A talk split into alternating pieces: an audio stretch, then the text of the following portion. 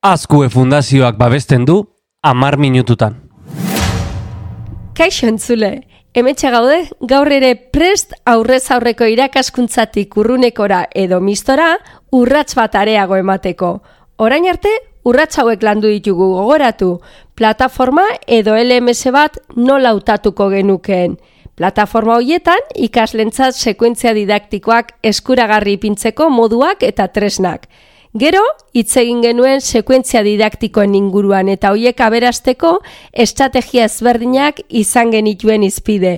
Ba, nola grabatu gure azalpenak eta nola erantzi en, galderak ikasleen jarraipena egiteko. Eta gaur, ba, gaur, unez sinkronoetarako plataforma bat hautatuko dugu eta erabilera ezberdinen berri emango dugu.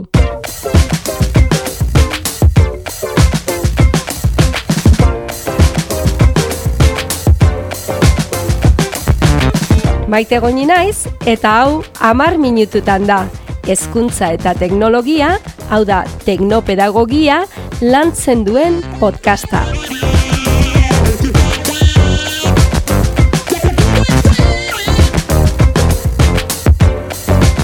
Kaixo, Ier, zer modu zabiltza? Ondo, ondo, esa- beti ondo esaten dugu, baina esan berri zut nekatuta, nekatuta. E, opor desioan, jada. Bai, buf, uste dut denak berdintxu gabiltzala. Ez dakit beste aldean oraindik irakasleren bat geratuko zaigun, eh? Ze, ja, ustaia arriskutsu xamarra da, baina badakit beste irakasle asko prestatzen ari direla e, ba, buelta. Eta buelta nola nahiko, ba, ez dakigu, e, nolako izango dan, ba, nik uste dut komen ideala gauza hauei buruz hitz egitea. Bai, bueno, e, maite gu gara Titaniceko kapitaina bezala, azkenengoak barkoa uzten. Hori da, ni hemen txerabil biolinarekin. bueno, ba, esaten izan bezala gaur une sinkronoak izango ditugu izpide, ez? Ba, aldi berean ikaslekin konektatzen garen une horiek. Ba, pandemia garai honetan ikusi da em, momentu horiek oso oso importanteak direla, ez? Aurretik, ba, hitz egin genuen, ba, nola, e, komentatu duguna, ez? Pixka bat, ba, nola ipini materialak, hori oso importantea da, ez? Online egitura bat ematea gure baliabidei eta ez solte ustea eta horrelako estrategiak oso garrantzitsuak dira. Baina zerbait garrantzitsua badago da ikaslekin une berean egotea.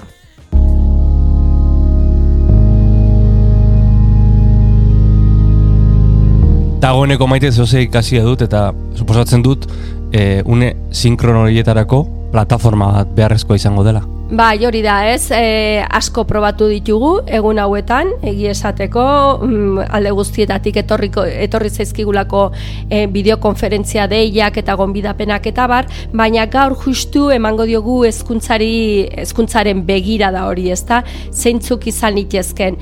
Baina horren aurretik, ka, garbi dago plataforma bat e, behar dugula, baina horren aurretik e, garrantzitsuena izango da beti bezala, zertarako behar dugun plataforma hori, zein helburu nahi dugun betetzea edo asetzea, ezta? Eta horretarako, ba, hainbat idea plazaratuko ditugu. Adibidez, e, zuzeneko eskolak eman ditzakegu. Hori garbi-garbia da, ezta? Konektatu eta e, hemen komeni da e, kontuan izatea ez dala gauza bera online aritzea edo ingurune virtual batean edo aurrez aurre egotea, baina plataforma hauek ematen dituzte aukera asko, gero aipatuko ditugunak, ba, arbela, partekatzea edo txateatzea, ikaslekin hitz egiten ari garen bitartean eta bar. Ba bueno, bat izan liteke zuzeneko eskolak ematea. Beste bat izan liteke beste aukera bat, e, tresna hauek eskaintzen digutena izan liteke lezio bat grabatzea, alegia e, astea abiatzea bideokonferentzia bat guk geu bakarrik eta pantalla partekatzeko aukerarekin mm, e, igo gure aurkezpen bat edo bistarazi eta hasi ezalpenak ematen eta hori gero grabatuta geratzen da eta horrekin egingo genuke gero ba, e, linka edo grabazio hori ikaslei helarazi. Hori izan liteke beste aukeratxo bat.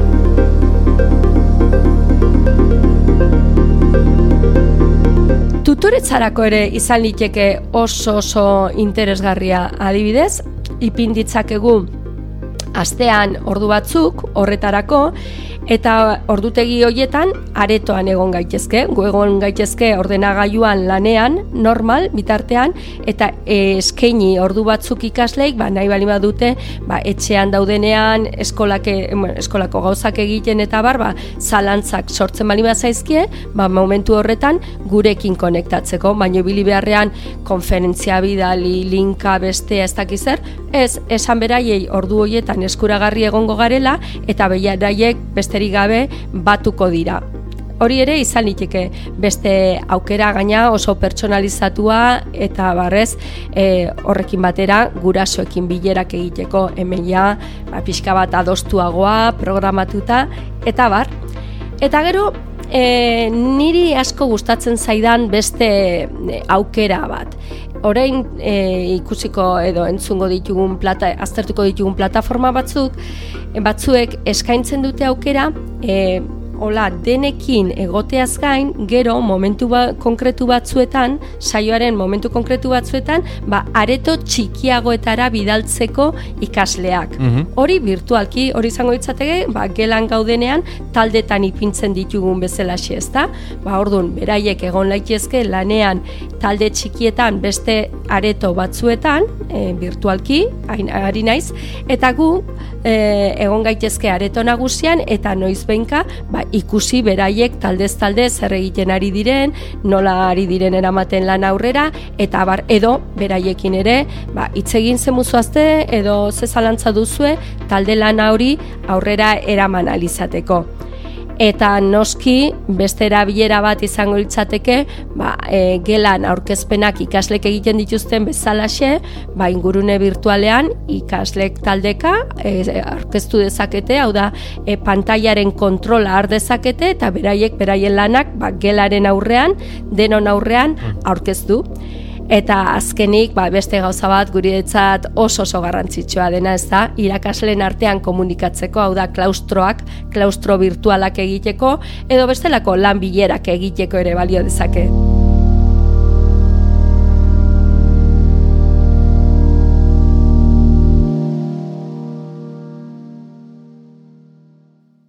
Aipatu ditugu, e, ba, egon daitezken aukera ezberdinak, baina suposatzen dut, hauek egiteko tresnak beharko direla, maite?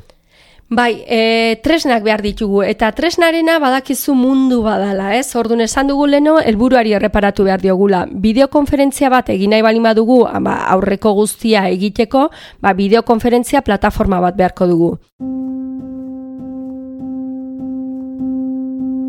Eta gero badago beste aukera bat interesgarria izan litekena beste gauza baterako adibidez web konferentziarako plataforma bat izatea, hau da zuzeneko emisioak egiteko. Ordu norria izango itzateke ja publiko handi bati zuzentzeko edo e, publiko handi baten gana zuzentzeko eta bar. Ordun horretarako live streaming edo web konferentziarako plataforma bat beharko genuke. Eta esan behar da askotan orain erabiltzen diren erramintek ematen dutela aukera bai gauza baterako zein besterako. Baina guk bideokonferentzietan ipiniko dugu begirada ez, eta orduan e, zer behar dugu hori hautatzeko.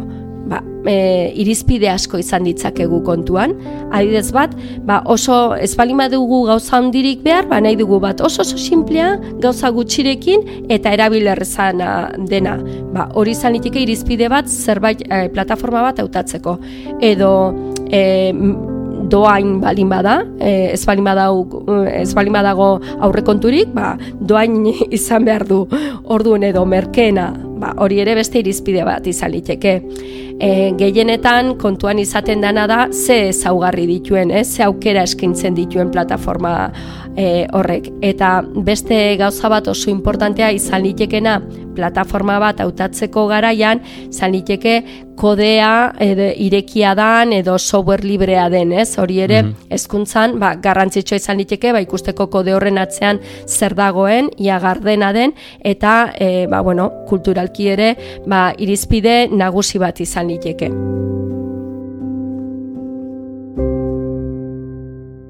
Hor maite, e, ikusi dugu konfinamendu garaian ere mugimenduak egon direla. E, adibidez, Google Meet lehen etzen e, guztiz irekia, e, zerbitzu okerespanago eskaintzen zuten zerbitzu bat zen, baino erdi ordainpekoa, e, baina konfinamenduan doan jarri dute. E, ikusirik, ba, e, hitchi, zoom, ez dakit, zema plataforma atera direla, ez? Bai, hor estrategia ezberdinak erabili dituzte, ez? E, konpainia handiek egin dutena, e, ba, modu bat izan da, jendei eskaintzeko doain, baia e, errestasun horren izenean edo aukera anitzoien izenean ia engantzatzen diren edo ia gero ere, ba, aukera mm. anitzoiek kentzen dituztenean, ba, ba, ordaintzen duzun edo besterik hezkuntzan adibidez ordaindu beia baino gehiago, ba, adibidez Google Suite erabiltzeko e, edo erabiltzera animatzen zearen, ez?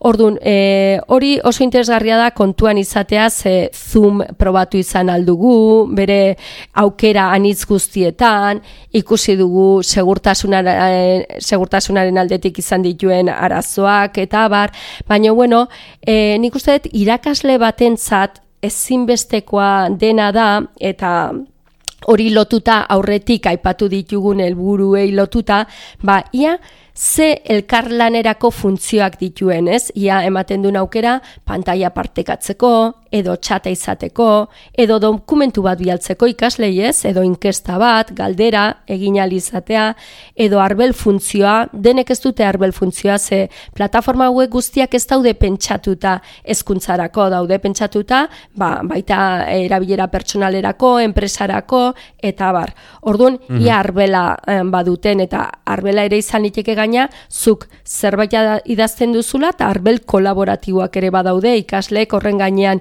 idaztezeaketenak. Ordun hori ere, kontuan izan behar da. Beste gauza bat interesgarria dena, e, ja, nahi balin badingugu pixka bat ja sakontxeago erabili olako plataforma bat, bai ze rol dituen, ez? Ba, moderatzailea edo aurkezlea edo ikusle rola dagoen, ez? Hau oso garrantzitsua da, ze gela hundietan, ba, azte da jende guztia, ikasle guztiak azte da dira hitz egiten, ba, garrantzitsua da irakasleak izatea kontrol pixka bat, ba, zeinek hitz egin dezaken edo zeinek ez Ordun daude mm. horrelako sistemak zeinetan ikasleek ba altxatzen duten eskua, ba gelan bezalaxe eta ordun zuk bai. bati ala besteari eman diezaiokezu hitza. Orduan, e, beste gauza bat oso garrantzitsua dena da, ia gela txikitan mm, bere izi aldan, ze bideokonferentzia nagusi batetik, gero e, badagoen aukera hori txikitan banatzeko. Hau niretzat oso oso interesgarria da. Hau ez dute plataforma guztiek ez dute, gutxiago doain direnak. Eta gero, ba bueno, e, izan litike baita interesgarria, solte izan beharren plataforma bat, LMS bat aurretik aipatu genuena, ba, gure bai. Baliabideak ipintzeko eta beste bat saio sinkronoetarako, ba, dena integratuta balima dago, ba, hori ere aukera politi izan liteke. Eta nik uste dut besterik gabe, baia, hau hoietako batzuk izan litezkenak interesgarriak komenta ditzakegula, ez da, oier? Bai, negatik, e, primeran. Maite, zina zure, bueno, ingo izut galdera txobat. Bai. E, horrela, bileran... Ez esan ar... zein, dan, zein nahiago dudan, eta hoi dena, etziazu ah, hori galdetuko, ez? Hori galdetu. Hori galdetu hori, zein dan zure favoritoa. Nien naiz inor zure etxean sartzeko esaten den bezala, baina, bueno, esan dezaket gauza bat oso garbi, ez? E, batzu bai. komentatuko ditut, eta adibidez, horiek denak betetzen dituen plataforma bat ezkuntzarako pentsatuta dagoena, e, Big Blue Button izan liteke. Big Blue Blue Button hori, e, software librean eraikitakoa, eta integratzen da mudelekin, beraz gure hemen, e, hemen gure hezkuntza sisteman mudel asko erabiltzen da eta beraz izan liteke antxe bertan ipintzea eta eta ordun e, ikasleak ohituta daude plataforma horretara sartzea eta antxe bertan e, topatuko dute bideokonferentziarako aukera hori. Eta ordun ez noa gehiago repikatzera, baino aurretik aipatu dituan elkarlenareko funtzio guztiak arbela moderatzaileak gela txikitan egiteko aukera denak batzen ditu.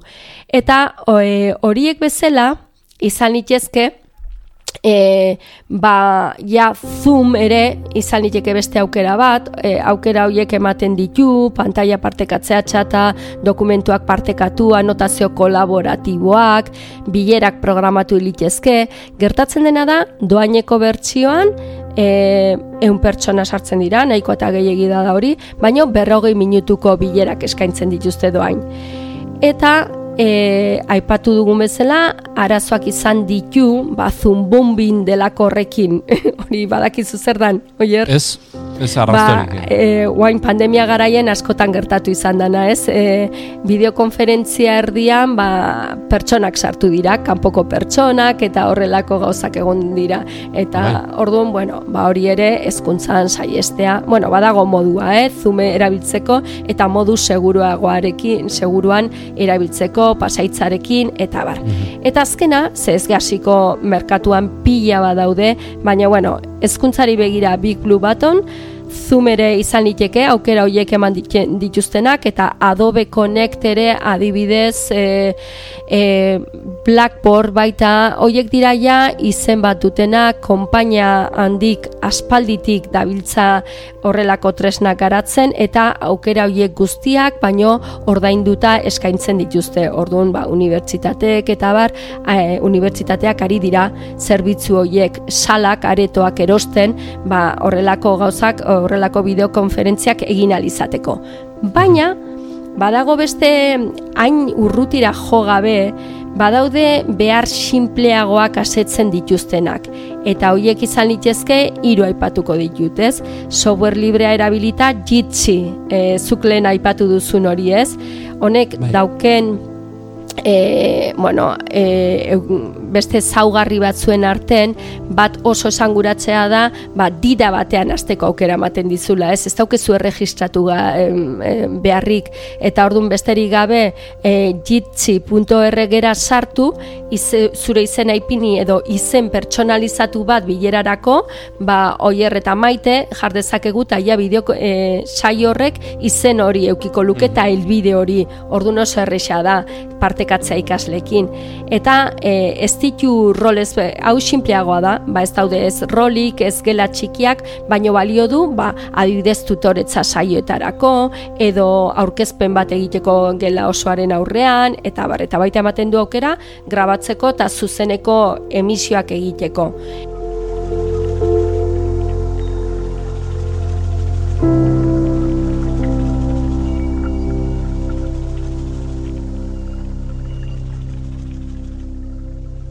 Eta gero, beste bi daude, eta dira ba, Google Meet eta Microsoft Meetings eh, Teams, e, Microsoft Teams asko erabiltzen ari dana gaur e, enpresa munduan eta bar, ba, e, horrek ere badauke bideokonferentziarako erraminta bat. Bueno, Lehenik eta behin Google Meet. Google Meet norentzat izan liteke interesgarria.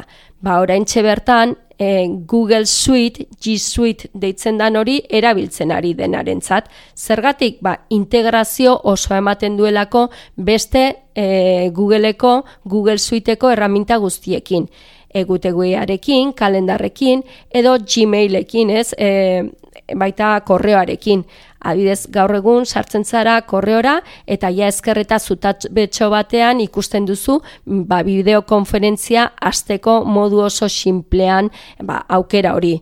Eta esan bezala hauek ja dira beste kategoria bateko tresnak panta, ematen dituztelako aukera gutxixiago, pantaila partekatzea bai, txata bai, dokumentua partekatu bai, baina e, ez dituzte e, areagoko aukerarik eskaintzen. Eta justu horregatik irakasle askori ba, asko gustatzen zaizkiolako tresnak, zergatik oso sinpleak direlako eta di da hola, abian ipintzeko modukoak eta e, ikasteko kurba edo esaten zaiona, ba, ikaste kurba hori e, erresa da, e, bos minututan ikasten duzu nola funtzionatzen duen. Eta en bukatzeko gauza bera, baino e, erabili beharren Googleeko tresnak, ba, Microsoftenak ere erabiltzen dira, batez ere enpresa munduan, administrazioan erabiltzen ari dira, hezkuntza munduan gutxixiago, baino gauza bera eukiko ru- luke aurrekoaren pareko tresna bat, meeting, e, meetings deitutakoa da, eta horrek ere emat, e, integratuta dau ba, Outlook korreoarekin eta Microsoft Teams e, kolaboraziorako e, tresnarekin eta ordun hori ere erabiltzen ari balin bazara horkoa ba, errexago egingo zaizu hortik abiatzea bideokonferentzia hori. Eta honek ere ematen du aukera, ba, pantalla partekatzeko minimoiek, txata, dokumentu partekatua, eta, e, bueno, e, nik uste dut honekin baia ideatxo bat egin dezakegula, ez? Orduan, zure galderari erantzunez, ba, bueno, e, doaineko mm, eta erabil erreza eta funtzionala eta hori, ba, LMS-en integratu nahi balin badugu eta funtzio areagotuak nahi balin baditugu, ba, Big Blue Button aukera ona izan liteke. Eta bestelako gauza sinpleak, ba, hiru hoietako edo zein, ba, e, erabiltzen ari garren horren baitan, ez? Lehen diken, e, gure eskolan erabiltzen ari garen erraminten baitan.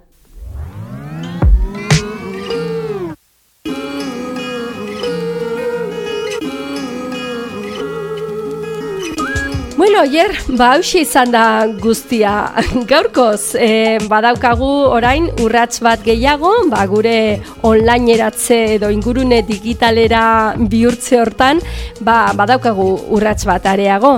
E, besterik gabe esan, e, zer esan behar dugu, besterik gabe, oier? Nun gaude? Bueno, e, beti bezala e, e, ba, pila bat ikasten dugula e, saio honetan, ni behintza bai, eta saioa jarraitu nahi bali baduzu, badudela bide desente, ez da, maite? Dago, bai. e, sare sozialak, Twitterren gaude, amar minututan, e, abildua amar minututan e, kontuan, eta gero ba, audio plataforma guztietan.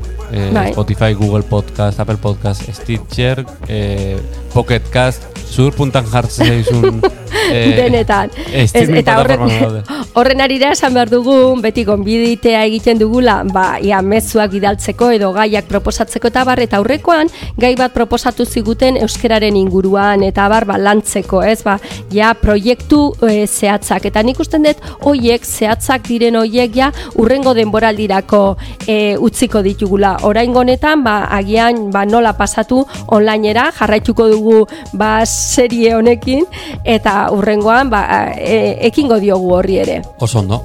Ba, oier, agur eta urrengor arte, urrengor arte entzule. Aio, aio.